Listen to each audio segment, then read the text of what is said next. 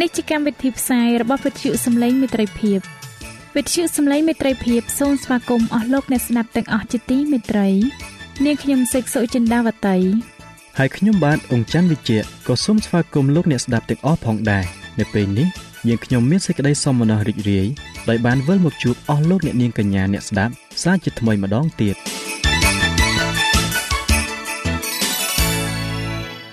នាងខ្ញុំសេកសុចិន្តាវតី សូមជម្រាបជូនកម្មវិធីផ្សាយដែលមានជាបន្តបន្ទាប់ដូចតទៅនេតិបទទំនាយនិងប្រវត្តិសាស្ត្រនេតិស្ពានជីវិត ចា៎លោកអ្នកស្ដាប់ជាទីមេត្រី នាងខ្ញុំសូមគោរពអញ្ជើញអស់លោកលោកស្រី អ្នកនាងកញ្ញាតាមដានស្ដាប់កម្មវិធីផ្សាយរបស់វិទ្យុយើងខ្ញុំដូចតទៅ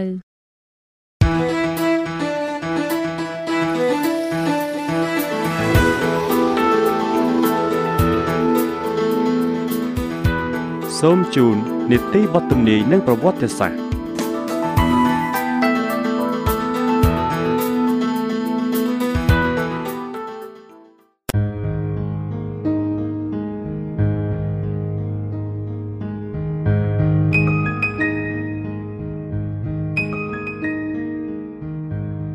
បាទអស់លោកអ្នកស្ដាប់ជាទីមេត្រីខ្ញុំបាទសូមជម្រាបសួរដល់អស់លោកលោកស្រីទាំងអស់គ្នា សូមឲ្យលោកអ្នកបានប្រកបដោយព្រះពរតាមរយៈមេរៀននៅថ្ងៃនេះខ្ញុំបាទមានអំណរណាស់ដែលបានវិលមកជួបលោកអ្នកសាជាថ្មីម្ដងទៀតដោយបានពំនាំនៅចម្ពោះថ្មីមួយទៀតនៅថ្ងៃនេះខ្ញុំបាទសូមជម្រាបជូននៅចម្ពោះថ្មីមួយទៀតគឺចម្ពោះទី29ដែលមានចំណងជើងថាតើអំពើអាក្រក់មានដើមកំណើតមកពីណា បាទតើលោកអ្នកដឹងទេថាមូលហេតុអ្វីបានជាមានអំពើបាបកើតឡើងហើយតើនរណាជាអ្នកទទួលខុសត្រូវនៅអំពើបាបដំបូងបង្អស់នោះបាទ ចម្លើយមាននៅក្នុងមេរៀននេះស្រាប់ដូច្នេះសូមលោកអ្នកតាមដានស្ដាប់នៅចម្ពោះទី29ភាគទី1ជាមួយនឹងខ្ញុំបាទដូចតទៅមនុស្សជាច្រើនបានឃើញការប្រព្រឹត្តនៃអំពើអាក្រក់ដែលមានសេចក្តីទុក្ខសោកនិងសេចក្តីហិនវិនាស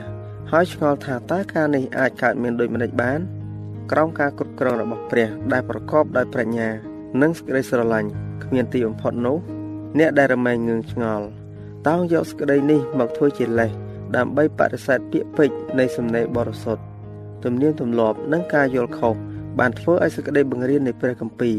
ដែលស្ដីអំពីចរិតលក្ខណៈរបស់ព្រះពីរបៀបគ្រប់គ្រងរបស់ទ្រង់និងពីគោលការណ៍នៃការដោះស្រាយអំពើបាបคล้ายទៅជាស្រពេចស្រពិលទៅវិញយើងមិនអាចពន្យល់អំពីដើមចំនៃបាបដើម្បីនឹងផ្ដំមូលហេតុឲ្យវាបានទល់ទេសោះ មានការយល់ដឹងតិចតួចណាស់ស្ដីអំពីដើមកំណើតនិងការលៃលកចុងក្រោយបង្អស់នៃអំពើបាប ដើម្បីឲ្យឃើញច្បាស់នៅសេចក្តីយុត្តិធម៌និងមេត្តាធម៌របស់ព្រះព្រះពុំមែនជាអ្នករ៉ាប់រងចំពោះអំពើបាបទេ ព្រោះគ្មានការដកព្រះគុណដ៏ពិសិដ្ឋតាមតែព្រះハរតីទ្រង់ឬគ្មានភាពទន់ខ្សោយក្នុងការគ្រប់គ្រងដ៏ពិសិដ្ឋដែលបណ្ដាលឲ្យមានការប្រឆាំងនោះដែរអំពើបាបគឺជាការជ្រៀតចូលមួយ ដែលពុំអាចរកមូលហេតុឲ្យវត្តមានរបស់វាបានឡើយបើដោះសារគឺការពីហើយ ប្រសិនបើរកការដោះសារនោះឃើញ វានឹងលែងថាជាបាបទៀតហើយអំពើបាបគឺជាគោលការណ៍មួយ ដែលទៅតឹងនឹងច្បាប់នៃសេចក្តីស្រឡាញ់ដែលជាគ្រឹះនៃការគ្រប់គ្រងដ៏ពិសិដ្ឋនោះមុននឹងមានសេចក្តីអាក្រក់មានសន្តិសុខនិងអំណរទូទាំងសកលលោកសេចក្តីស្រឡាញ់ដល់ព្រះគឺឧត្តមឧត្តមហើយសេចក្តីស្រឡាញ់រវាងគ្នានឹងគ្នា គឺមិនលំអៀងទៅខាងណាមួយឡើយព្រះគ្រីស្ទដែលជាព្រះរាជបុត្រតែមួយគត់របស់ព្រះ បានមានសភាពតែមួយនៅក្នុងនិស័យក្នុងចរិតលក្ខណៈនិងក្នុងគោលបំណងជាមួយព្រះវរបិតាដ៏នៅអស់កលព្រោះទ្រង់ជាតួអង្គតែមួយដែលអាចចូលទៅក្នុងអស់ទាំងទីប្រឹក្សានិងគម្រោងការរបស់ព្រះព្រះគម្ពីរកូឡូសបានចែងថាត្បិតគឺទ្រង់ហើយដែលបង្កើតគ្រប់របស់ទាំងអស់ទាំងរបស់នៅស្ថានសួគ៌ ទោះបីជារាជឬអំណាចជាព្រះអម្ចាស់ឬអំណាចគ្រប់គ្រងឬអំណាចណាក៏ដោយកូឡូសជំពូកទី1ខ16ច្បាប់នៃសេចក្តីស្រឡាញ់គឺជាគ្រឹះនៃការគ្រប់គ្រងរបស់ព្រះសុភមង្គលនៃអស់ទាំងទេវបុត្រដែលបានបង្កើតមកគឺអាស្រ័យទៅលើការស្របទៅតាមកន្លងធម៌នៃសេចក្តីសុចរិតព្រះទ្រង់ពុំមានព្រះハរតីសមមនោះនៅក្នុងការបង្ខំឲ្យគេ មានចិត្តស្មោះមកកាន់ទ្រង់ទេ ហើយទ្រង់ប្រទានដល់គេទាំងអស់នៅសេរីភាពនៃទំនឹងចិត្តប្រយោជន៍ឲ្យគេធ្វើតបមកទ្រង់វិញដោយការបម្រើស្ម័គ្រពីចិត្តប៉ុន្តែមានម្នាក់បានសម្រេចចិត្តនឹងបង្វែរសេរីភាពនេះបាបគឺបានកើតឡើងដោយសារតែម្នាក់នោះឯងដែលបន្ទាប់ពីព្រះគ្រីស្ទព្រះបានប្រទានកិត្តិយសដល់វាខ្លាំងណាស់មុននឹងមានបាប Lucifer ជាជេរូប៊ីនក្របបាំងទី1បរិសុទ្ធហើយឥតខ្ចោះព្រះអម្ចាស់យេហូវ៉ាមានបន្ទូលដូច្នេះ ឯងជាអ្នកបំពេញខ្នាតដោយមានប្រាជ្ញាពោពេញហើយលម្អគ្រប់លក្ខពីដើមឯងបាននៅក្នុងសួនច្បារអេដែនជាសួនរបស់ព្រះឯងបានប្រដាប់កាយដោយត្បូងដ៏មានតម្លៃគ្រប់មុខឯងជាជេរូប៊ីនដែលបានចាក់ប្រេងតាំងឡើងជាអ្នកគ្រប់គ្រងគឺឯងបានតាំងឯងឡើងឲ្យឯងបាននៅលើភ្នំបរិសុទ្ធរបស់ព្រះឯងក៏បានដើរទៅមកនៅកណ្ដាលថ្មភ្លឺចាំងចាប់តាំងពីថ្ងៃដែលឯងកើតមក នោះឯងបានគ្រប់លក្ខក្នុងគ្រប់ទាំងផ្លូវរបស់ឯងដរាបដោយវេលាដែលឃើញមានសេចក្តីទុច្ចរិតនៅក្នុងខ្លួនឯងចិត្តឯងបានស្ទួយឡើង ដោយព្រោះសេចក្តីលំអរបស់ឯងឯងបានបង្ខូចប្រាជ្ញាឯងដោយពន្លឺរស្មីរបស់ឯងឯងបានតាំងចិត្តឯងឲ្យបានដូចជាព្រះハរតីនៃព្រះឯងបានគិតនៅក្នុងចិត្តថាអញនឹងឡើងទៅឯនគរស្ថានសួគ៌អញនឹងដំកើងបល្ល័ង្កអញឲ្យខ្ពស់ជាងផ្កាយរបស់ព្រះ ហើយអញនឹងអង្គុយលើភ្នំ ជាទីប្រជុំជំនុំអញនឹងឡើងផុតទីខ្ពស់នៃពពកអញនឹងលើកខ្លួនឲ្យបានដូចជាព្រះដ៏ខ្ពស់បំផុតអេសេគៀលជំពូកទី28ខ6ខ12រហូតដល់ខ17និងអេសាយជំពូកទី14ខ13និងខ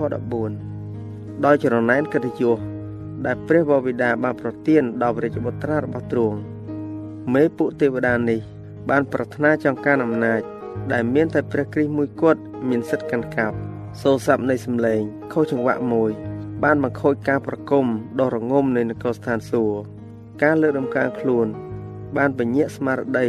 នៃពពួកទេវបុត្រដែលពោពេញទៅដោយសេរីល្អដកដងឧត្តមរបស់ព្រះឲ្យដឹងពីប្រថ្នូលនៃសេចក្តីអាក្រក់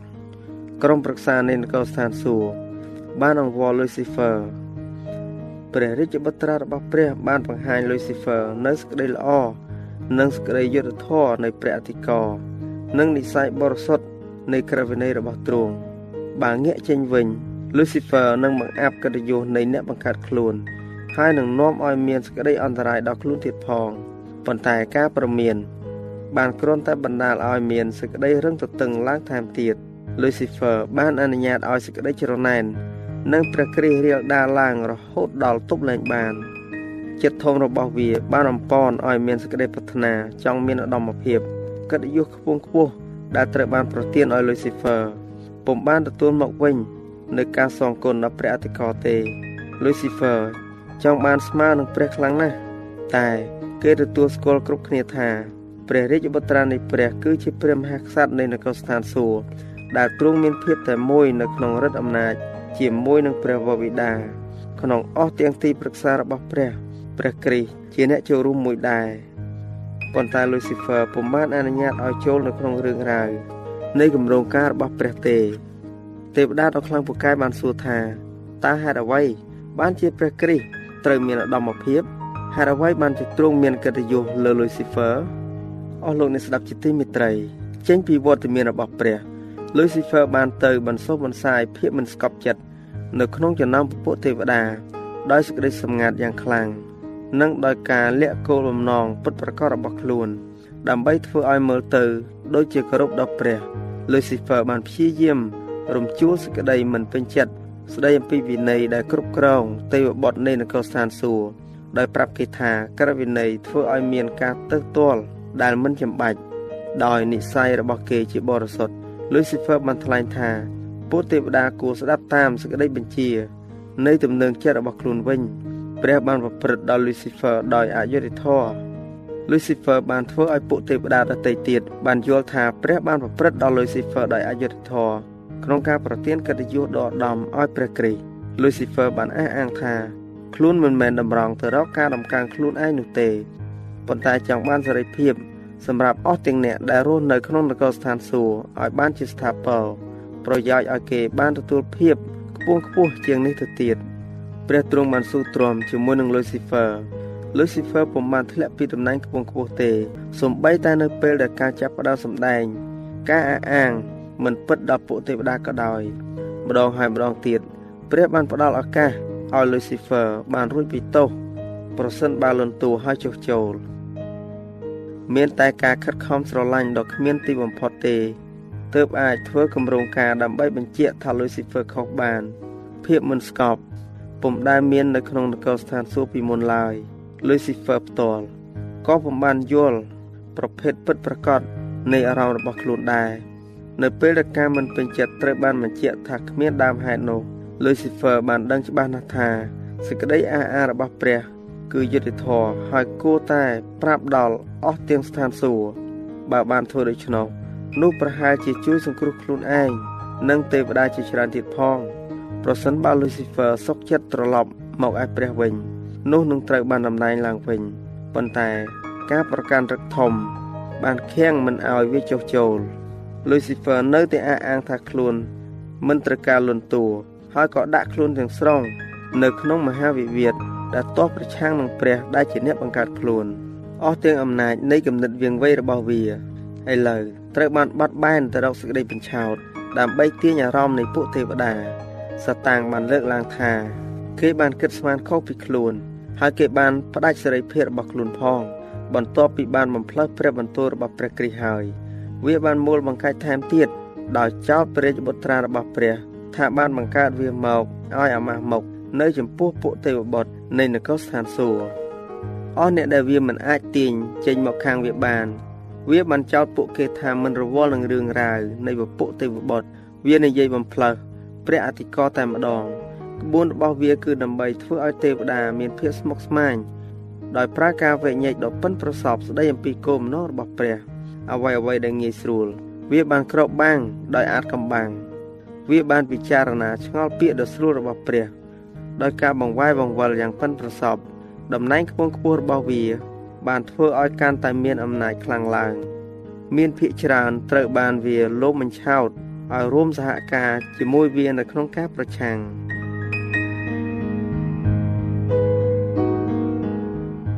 ចា៎ដោយពេលវេលាមានកំណត់យើងខ្ញុំសូមអនុទីបទទំនាយនិងប្រវត្តិសាស្ត្រត្រឹមតែប៉ុណ្ណឹងសិនចុះដោយសន្យាថានឹងលើកយកនីតិនេះមកជម្រាបជូនជាបន្តទៀតនៅថ្ងៃអង្គារសប្តាហ៍ក្រោយ សូមអរគុណ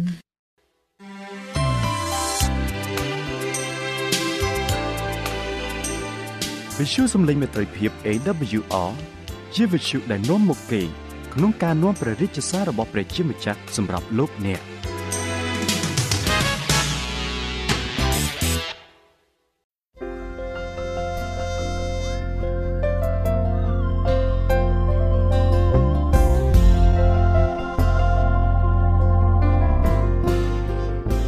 ខ្ញុំបាទសូមជម្រាបសួរអស់លោកអ្នកស្ដាប់ជាទីមេត្រី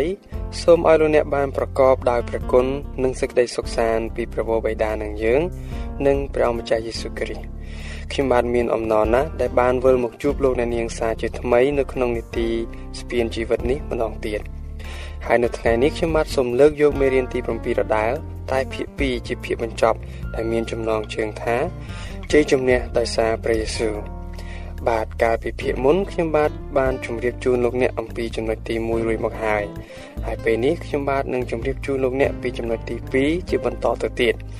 ដូច្នេះខ្ញុំបាទសូមគោរពអញ្ជើញលោកអ្នកតាមដានស្ដាប់មេរៀនទី7ភាគទី2ជាភាគបញ្ចប់នេះជាមួយនឹងខ្ញុំបាទដូចតទៅបាទចំណុចទី2និយាយអំពីរបៀបយកជ័យជំនះលើការលបួងយើងត្រូវដឹងឲ្យបានច្បាស់ថា យើងមិនគួរទៅកាន់កន្លែងណា ឬធ្វើអ្វីដែលនាំឲ្យយើងងាយនឹងចាញ់សេចក្តីល្បួងនោះទេ ដូចជាអ្នកដែលកំពុងខំប្រឹងឈប់ពិសាបារីឬស្រាមិនត្រូវទៅកន្លែងណា ដែលមានគេកំពុងជក់បារីឬទទួលទានស្រាឡើយម្យ៉ាងវិញទៀតមានសភៅមួយចំនួន ឬរឿងក្នុងទូរទស្សន៍មួយចំនួន ដែលតែងធ្វើឲ្យយើងមានកំហឹងនិងសម្រើបតណ្ហា ដូច្នេះយើងក៏ត្រូវបោះបង់សិភៅនិងរឿងទាំងនោះចោលប៉ុន្តែមានករណីខ្លះក៏យើងមិនអាចជៀសផុតពីមនុស្សនិងអំពើអាក្រក់ខ្លះបានដែរពេលនោះយើងក៏បីពង្រឹងនិងទប់ចិត្តយើងឲ្យបានត្រូវរឹងប៉ឹងជានិច្ចឧទាហរណ៍ដូចជានាងសាលីមិនអាចគេចពីប្តីឬពីអ្នកចិត្តខាងគាត់បានទេ តែនាងត្រូវតែខំអត់ធ្មត់និងខំព្យាយាមជៀសវាងកុំសូវនិយាយជាមួយនឹងអ្នក ដែលចូលចិត្តនិយាយអាក្រក់ពីអ្នកដទៃវិញ ជាពិសេសនៅពេលដែលចិត្តនាងមានកំហឹងបាទសូមលោកអ្នកស្ដាប់ខព្រះគម្ពីរយ៉ាកុបជំពូកទី3ខ1ដល់ខ18ជាខសម្រាប់កំសាន្តចិត្តដល់លោកអ្នកបាទព្រះគម្ពីរយ៉ាកុបនេះបានចែងថាមើលសេចក្តីស្រឡាញ់យ៉ាងណាណោដែលព្រះវរបិតាបានផ្ដល់មកយើងរាល់គ្នាឲ្យយើងបានហៅថាជាកូនរបស់ព្រះដូច្នេះគឺដោយហេតុនោះបានជាលោកីមិនស្គាល់យើងទេ ពីព្រោះមិនស្គាល់ទ្រង់ដែរពួកស្ងួនភ្ងាអើយឥឡូវនេះយើងរាល់គ្នាជាកូនព្រះហើយតែដែលយើងរាល់គ្នានឹងបានទៅជាយ៉ាងណាទៀតនោះមិនទាន់សម្ដែងមកនៅឡើយប៉ុន្តែយើងដឹងថាកាលណាទ្រង់លេចមក នោះយើងនឹងបានដូចជាទ្រង់ត្បិតដែលទ្រង់យ៉ាងណា នោះយើងនឹងឃើញទ្រង់យ៉ាងនោះឯងអស់អ្នកណាដែលមានសេចក្តីសង្ឃឹមយ៉ាងនេះដល់ទ្រង់នោះក៏តែងជំរះសម្អាតចិត្តខ្លួនឲ្យដូចទ្រង់ដែលស្អាតដែរ ឯអស់អ្នកណាដែលប្រព្រឹត្តអំពើបាបវិញនោះក៏ឈ្មោះថាប្រព្រឹត្តរំលងក្រឹតវិន័យដែរត្បិតអំពើបាបជាការរំលងក្រឹតវិន័យហើយអ្នករាល់គ្នាដឹងហើយថាទ្រង់បានលេចមកដើម្បីនឹងដោះបាបយើងចេញហើយក៏នៅក្នុងទ្រង់នោះគ្មានបាបសោះឯអស់អ្នកណាដែលនៅជាប់ក្នុងទ្រង់នោះមិនដែលធ្វើបាបទេ តែពួកអ្នកដែលធ្វើបាបវិញ គេមិនបានឃើញទ្រង់ឡើយក៏មិនស្គាល់ទ្រង់ផង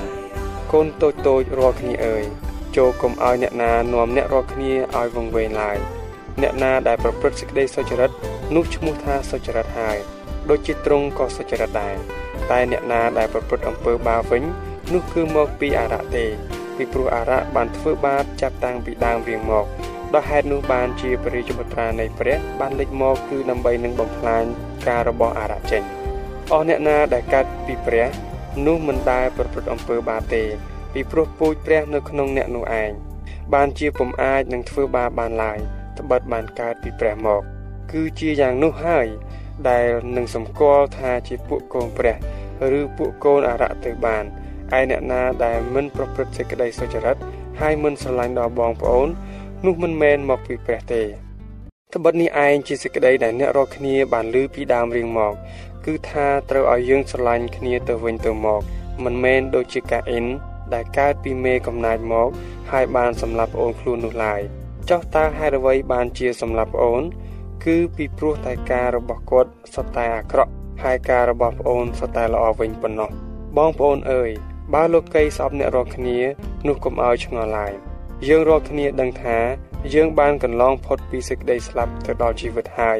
ពីព្រោះយើងស្រឡាញ់ដល់ពួកបងប្អូនឯអ្នកដែលមិនស្រឡាញ់បងប្អូន អ្នកនោះជាអ្នក នៅជាប់ក្នុងសេចក្តីស្លាប់នៅឡើយអ្នកណាដែលមានចិត្តស្អប់ដល់បងប្អូននោះឈ្មោះថាជាអ្នកសម្លាប់គេ ហើយអ្នករាល់គ្នាដឹងហើយថាគ្មានអ្នកណាសម្លាប់គេណាមួយ ដែលមានជីវិតដ៏រស់អស់កលជានិច្ចនៅក្នុងខ្លួនឡើយដោយសារសេចក្តីនេះ យើងរាល់គ្នាបានស្គាល់សេចក្តីស្រឡាញ់គឺដោយព្រោះទ្រង់បានស៊ូបដូរប្រជជនទ្រង់ជំនួសយើងដូច្នេះគួរឲ្យយើងបដូរជីវិតយើងជំនួសបងប្អូនដែរបើអ្នកណាមានភោគសម្បត្តិរបស់លោកីនេះ ហើយឃើញបងប្អូនណាដែលខ្វះខាត តែមិនចេះអាណិតមេត្តាសោះនោះធ្វើដោយមិនដេចឲ្យសេចក្តីស្រឡាញ់នៃព្រះ បានស្ថិតនៅក្នុងអ្នកនោះបាន ពួកកូនតូចតូចអើយយើងមិនត្រូវស្រឡាញ់ដោយពាក្យសម្ដីឬដោយបបោមាត់ប៉ុណ្ណោះឡើយគឺដោយការប្រព្រឹត្តនិងសេចក្តីពិតវិញប្រសិនបើលោកអ្នកបានរៀបចំខ្លួនតាមដំណាក់កាលទាំងឡាយខាងលើនេះវាជាការងាយស្រួលដើម្បីយកជ័យជំនះនៅពេលដែលមានសេចក្តីល្បួងកើតឡើង ទោះជាយ៉ាងនេះក៏ដោយក៏វានៅមានចំណុចសំខាន់3ទៀតដើម្បីប្រយុទ្ធជាមួយសេចក្តីល្បួងនេះចំណុចទី2ក៏ចូលគិតអំពីផលវិបាកដែលនឹងកើតឡើងប្រសិនបើអ្នកធ្វើបាប នៅពេលដែលលោកអ្នកត្រូវលបួងឲ្យពិសាបារីលបួងឲ្យខឹងស្រែកលោឡាលបួងឲ្យលួចឬឲ្យនិយាយកុហកនោះសូមលោកអ្នកគិតថាតើនឹងមានអ្វីកើតឡើងបើលោកអ្នកធ្វើតាមការលបួងទាំងនោះពិតជានឹងមានការឈឺចាប់ការបាត់បង់ប្រកាស អ្នកដតីខឹងនឹងអ្នកគេលេងទុកចិត្តអ្នកជួនកាលលោកអ្នកត្រូវគេចាប់ខ្លួនទៀតផងសូមគិតមើលអំពីសត្វស្លាបមួយនៅពេលដែលធ្លាក់ពីដើមឈើមកប្រសិនបើវាមិនត្រដាងស្លាបវាឡើងទេ វានឹងត្រូវបោកខ្លួននឹងដីស្លាប់មិនខាន គឺបើលោកអ្នកមិនខំប្រឹងឲ្យរួចពីបាបទេ លោកអ្នកនឹងស្លាប់ដូចជាលោកអ្នកធ្លាប់ដឹងមកហើយដែរថាឈ្នួលនៃអំពើបាបគឺជាសេចក្តីស្លាប់ចំណុចទី2ខ ទៀមទាសេចក្តីសន្យានៃជ័យជំនះយកខព្រះគម្ពីរដែលលោកអ្នកបានទន្ទិញនិងស្មឹងស្មាតដោយដាក់ឈ្មោះលោកអ្នកនិងអំពើបាបនៅក្នុងខនោះឧទាហរណ៍ទី1យើងដាក់ឈ្មោះលោកពូសុកដែលមានបាបជក់បារី និងវាយប្រពន្ធនិងឧទាហរណ៍ទី2យើងដាក់ឈ្មោះសាលីដែលមានចិត្តឆេវឆាវឆាប់ខឹងនិងនិយាយដើមគេ ព្រះគម្ពីររ៉ូមជំពូកទី6ខ6បានចែងថា ដោយដឹងសេចក្តីនេះថា មនុស្សចាស់បានត្រូវឆ្កាងជាមួយនឹងទ្រង់ហើយដើម្បីឲ្យតួនៃការជក់បារីនិងការវាយប្រពន្ធត្រូវសូន្យទៅ ប្រយោជន៍កុំឲ្យលោកពូសុកនៅបំរើការជក់បារីនិងការវាយប្រពន្ធទៀតឡើយកូរិនថូសទី2ជំពូកទី5ខ17បានចែងថាបើសាលីនៅក្នុងព្រះគ្រិស្តនោះឈ្មោះថាបានកើតជាថ្មីហើយ ហើយអស់ទាំងកំហឹងនឹងការនិយាយដើមគេបានកន្លងបាត់ទៅ មើលសេចក្តីស្រឡាញ់និងការសុភាពរៀបសារបានត្រឡប់ជាថ្មីវិញបាទខាងលើនេះគ្រាន់តែជាឧទាហរណ៍សម្រាប់ជូនជាគំរូសម្រាប់ឲ្យលោកអ្នកអធិដ្ឋានតាមសម្រាប់អ្នកណាម្នាក់តែប៉ុណ្ណោះការនេះហាក់បីដូចជាកូនសត្វមួយដែលត្រដងស្លាប់ធ្លាក់មកពីលើចុងឈើទោះបីវាមិនបានទៅផ្ទះស្លាបហាក៏ដោយ ក៏កម្លាំងខ្យល់ដែលប៉ះនឹងស្លាបអាចជួយទប់ខ្លួនវាមិនឲ្យស្លាប់បានដែរចំណែកយើងដែលបានដាក់សេចក្តីជំនឿទៅលើព្រះយេស៊ូវនិងទាមទារសេចក្តីសន្យានៃជ័យជំនះពីទ្រង់នោះទ្រង់ក៏អាចជួយយើងបានដូចជាសត្វព្រាបចាប់ផ្ដើមទៅផ្ទះស្លាប់ហាយោងខ្លួនឲ្យកាន់តែខ្ពស់ទៅខ្ពស់ទៅព្រាបបាននឹងព្រះវិញ្ញាណរងចាំលើកយើងឡើងឲ្យផុតពីសេចក្តីល្បួង និងប្រទានចិត្តថ្មីដល់យើងវិញដែរ ប៉ុន្តែលោកអ្នកត្រូវតែធ្វើតាមសេចក្តីសន្យារបស់ព្រះមិនត្រូវរងចាំដល់ពេលមានអារម្មណ៍ល្អនោះទេសូមលោកអ្នកទុកចិត្តថាព្រះនឹងប្រទានដល់លោកអ្នកតាមការសន្យារបស់ទ្រង់ហើយសូមលោកអ្នកបោះជំហានឆ្ពោះទៅកាន់សេចក្តីជំនឿនិងទុកចិត្តលើទ្រង់នោះលោកអ្នកនឹងឃើញនៅការផ្លាស់ប្ដូរក្នុងចិត្តលោកអ្នកមិនខានបាទនេះជាចំណុចគោជាចំណុចចុងក្រោយដែលនិយាយពីការឆ្លុះបញ្ចាំងក្រោយពីមានការលបួង ប្រសិនបើលោកអ្នកមានជ័យជំនះទៅលើសមរភូមិនៃការលបួងណាមួយសូមសរសើរដំណើរដល់ព្រះនិងសូមឲ្យទ្រង់ជួយដល់លោកអ្នកឲ្យកាន់តែរីកចម្រើន និងរឹងមាំឡើង តែប្រសិនបើលោកអ្នក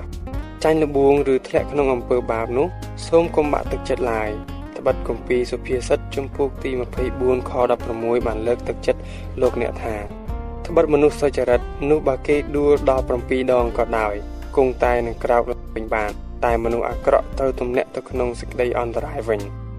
សូមលោកអ្នកចងចាំថាព្រះនៅតែស្រឡាញ់អ្នកមានបាបហើយចង់ជួយពួកគេជានិច្ច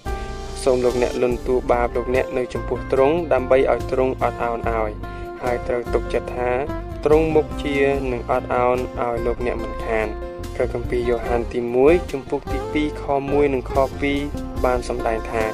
កូនតូចតូចរាល់គ្នាអើយដែលខ្ញុំសរសេរសេចក្តីនេះផ្ញើមក នោះដើម្បីកុំឲ្យអ្នករាល់គ្នាធ្វើបាបទៀតតែបើសិនជាអ្នកភ្លាត់ធ្វើបាបវិញនោះយើងមានព្រះដ៏ជាជំនួយមួយអង្គហើយទ្រង់ដែលគង់នៅចំពោះព្រះវរបិតាគឺព្រះយេស៊ូវគ្រីស្ទជាព្រះដ៏សុចរិតដែលទ្រង់ជាដងវាយធូននឹងបាបយើងរាល់គ្នាមិនត្រឹមតែបាបរបស់យើងរាល់គ្នាតែប៉ុណ្ណោះគឺទាំងបាបរបស់លោកីទាំងមូលដែរបន្ទាប់មកសូមលោកអ្នកសញ្ជឹងគិតមើលថាតើហេតុអ្វីបានជាលោកអ្នកចាញ់សេចក្តីល្បួងនោះ តើមានជំហានណាមួយខាងលើនេះដែលលោកអ្នកមិនបានធ្វើឬទេតើលោកអ្នកមានខកខានក្នុងការតាក់ទងជាមួយព្រះដើម្បីឲ្យមានទំនាក់ទំនងយ៉ាងជិតស្និទ្ធជាមួយនឹងទ្រង់ដោយការអធិដ្ឋាននិងអានព្រះគម្ពីរដែរឬទេបើលោកអ្នកមានការខ្វះខាតចំណុចណាមួយសូមលោកអ្នកបដិញ្ញាកែប្រែកុំឲ្យមានតទៅទៀតឡើយការយកជ័យជំនះលើសេចក្តីល្បួងប្រៀបបាននឹងបរិសម្នាក់ដែលបានសង់ផ្ទះមួយខ្នងមានទ្វារនិងបង្អួចតូចតូច ជារៀងរាល់ថ្ងៃចាប់ពីពេលរសៀលទៅផ្ទះនោះក៏មានភាពងងឹតសូន្យបរិសម្ចាស់ផ្ទះបានយកកេះក្រដាសយ៉ាងធំមួយ មកដាក់នៅក្នុងផ្ទះឲ្យភាពងងឹតចូលក្នុងកេះនោះរួចគ្របឲ្យចិត្តហើយគាត់យកទៅបើកនៅខាងក្រៅឲ្យភាពងងឹតចេញហើយឲ្យពន្លឺចូលក្នុងកេះនោះម្ដងរួចគាត់បិទសាជាថ្មីយកមកបើកនៅក្នុងបន្ទប់វិញ តែការធ្វើបែបនេះផ្ទះរបស់គាត់នៅតែងងឹតដដែល ថ្ងៃមួយមានអ្នកចិត្តខាងគាត់ម្នាក់ប្រាប់ថាគ្រាន់តែរៀបចំខ្សែភ្លើងនិងអំពូលភ្លើងក្នុងផ្ទះឲ្យស្អាតរួចយកខ្សែភ្លើងមកតភ្ជាប់ទៅខ្សែមេនៅខាងក្រៅប៉ុណ្ណោះនោះផ្ទះអ្នកនឹងភ្លឺមិនខានបរិះនោះក៏ជួយរៀបចំតខ្សែខាងក្នុងផ្ទះនិងភ្ជាប់ទៅខ្សែមេខាងក្រៅចាប់ពីពេលនោះមកផ្ទះនោះក៏ភ្លឺទាំងថ្ងៃទាំងយប់ហើយនៅពេលណាងងឹតម្ដងម្ដង គេគ្រាន់តែត្រួតពិនិត្យមើលខ្សែឡើងវិញប៉ុណ្ណោះព្រោះម៉ាស៊ីនភ្លើងនោះ ពុំដែលរត់រត់ឡើយបាទរឿងនេះគ្រាន់តែជាឧទាហរណ៍ប៉ុណ្ណោះបើបរិះនោះមិនតខ្សែទៅភ្ជាប់នឹងខ្សែពីម៉ាស៊ីនភ្លើងទេផ្ទះគាត់មិនភ្លឺឡើយហើយជីវិតលោកអ្នកក៏ដូចនោះដែរបើមិនតភ្ជាប់ទៅជាមួយនឹងព្រះយេស៊ូវទេនោះក៏មិនអាចឈ្នះលើសេចក្តីល្បួងបានដែរបាទអស់លោកអ្នកស្ដាប់ជាទីមេត្រីមុននឹងបញ្ចប់ខ្ញុំបាទសូមជូននៅសំណួរខ្លះៗសម្រាប់លោកអ្នកធ្វើការពិចារណា សំណួរទី1តើសេចក្តីល្បួងគឺជាអ្វី សំណួរទី2ចូលលើកយកឧទាហរណ៍មួយនៃសេចក្តីល្បួងរបស់លោកអ្នកសំណួរទី3តាមការសិក្សារបស់អ្នកតើព្រះយេស៊ូវបានឈ្នះលើសេចក្តីល្បួងអ្វីខ្លះសំណួរទី4តើអធិពលអ្វីដែលកំពុងល្បួងយើងដោយមិនដឹងខ្លួនសំណួរទី5តើអ្នកត្រូវធ្វើយ៉ាងណា ដើម្បីឲ្យឈ្នះលើការល្បួងបាទអរលោកអ្នកស្ដាប់ជាទីមេត្រីពេលវេលានៃនីតិស្ពានជីវិតរបស់យើងបានមកដល់ទីបញ្ចប់ហើយ ហើយចំពោះទី7ដែលនិយាយពីការអត់ទោសដល់អ្នកដទៃនោះក៏សន្មត់ថាចប់ដោយបរិបូរណ៍ហើយដែរហើយខ្ញុំបាទនឹងវិលមកជួបលោកអ្នកនាងម្ដងទៀតនៅក្នុងនីតិរបស់យើងលើកក្រោយដោយនឹងនាំនៅចំពោះទី8មកជូនលោកអ្នកស្ដាប់ជាបន្តទៀតបាទដូច្នេះសូមឲ្យព្រះជាម្ចាស់ប្រទានពរដល់អស់លោកអ្នកបងប្អូនទាំងអស់គ្នា សម្រាប់ពេលនេះខ្ញុំបាទធនហៀបសូមអរគុណនិងសូមជម្រាបលា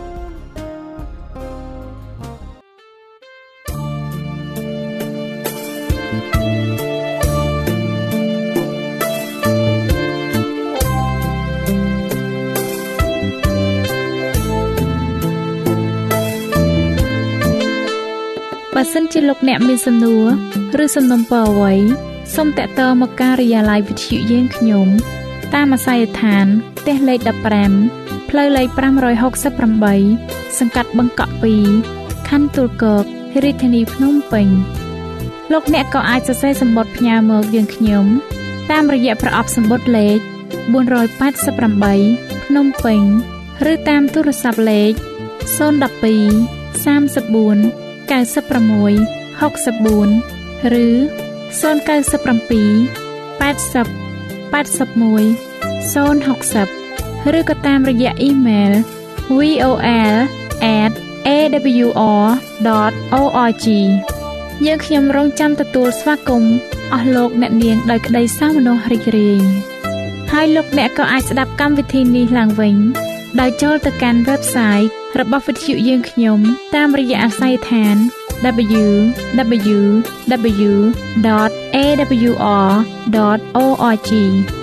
លោកអ្នកនាងកញ្ញាជាទីមេត្រី កម្មវិធីផ្សាយរបស់វិទ្យុសំឡេងមេត្រីភាពនៅពេលនេះសូមបញ្ចប់តែប៉ុណ្ណេះយើងខ្ញុំសូមអរគុណចំពោះការតាមដានស្ដាប់របស់អស់លោកអ្នកតាំងពីដើមរហូតដល់ចប់យើងខ្ញុំសូមជូនពរឲ្យអស់លោកអ្នកនាងកញ្ញាទាំងអស់ បានចម្រើនឡើងក្នុងព្រះគុណព្រះអង្គម្ចាស់ហើយក្នុងការទទួលយកព្រះយេស៊ូវគ្រីស្ទជាព្រះអង្គម្ចាស់និងជាព្រះអង្គសង្គ្រោះនៃយើងរាល់គ្នានាទីផ្សាយរបស់វិទ្យុយើងខ្ញុំនឹងវិលមកជួបអស់លោកអ្នកសាជាថ្មីម្ដងទៀតនៅថ្ងៃស្អែកវេលាម៉ោងដដែលនាងខ្ញុំសេកសុចិន្តាវតីនិងខ្ញុំបាទអ៊ំច័ន្ទវិជ្ជៈសូមអរគុណសូមជម្រាបលា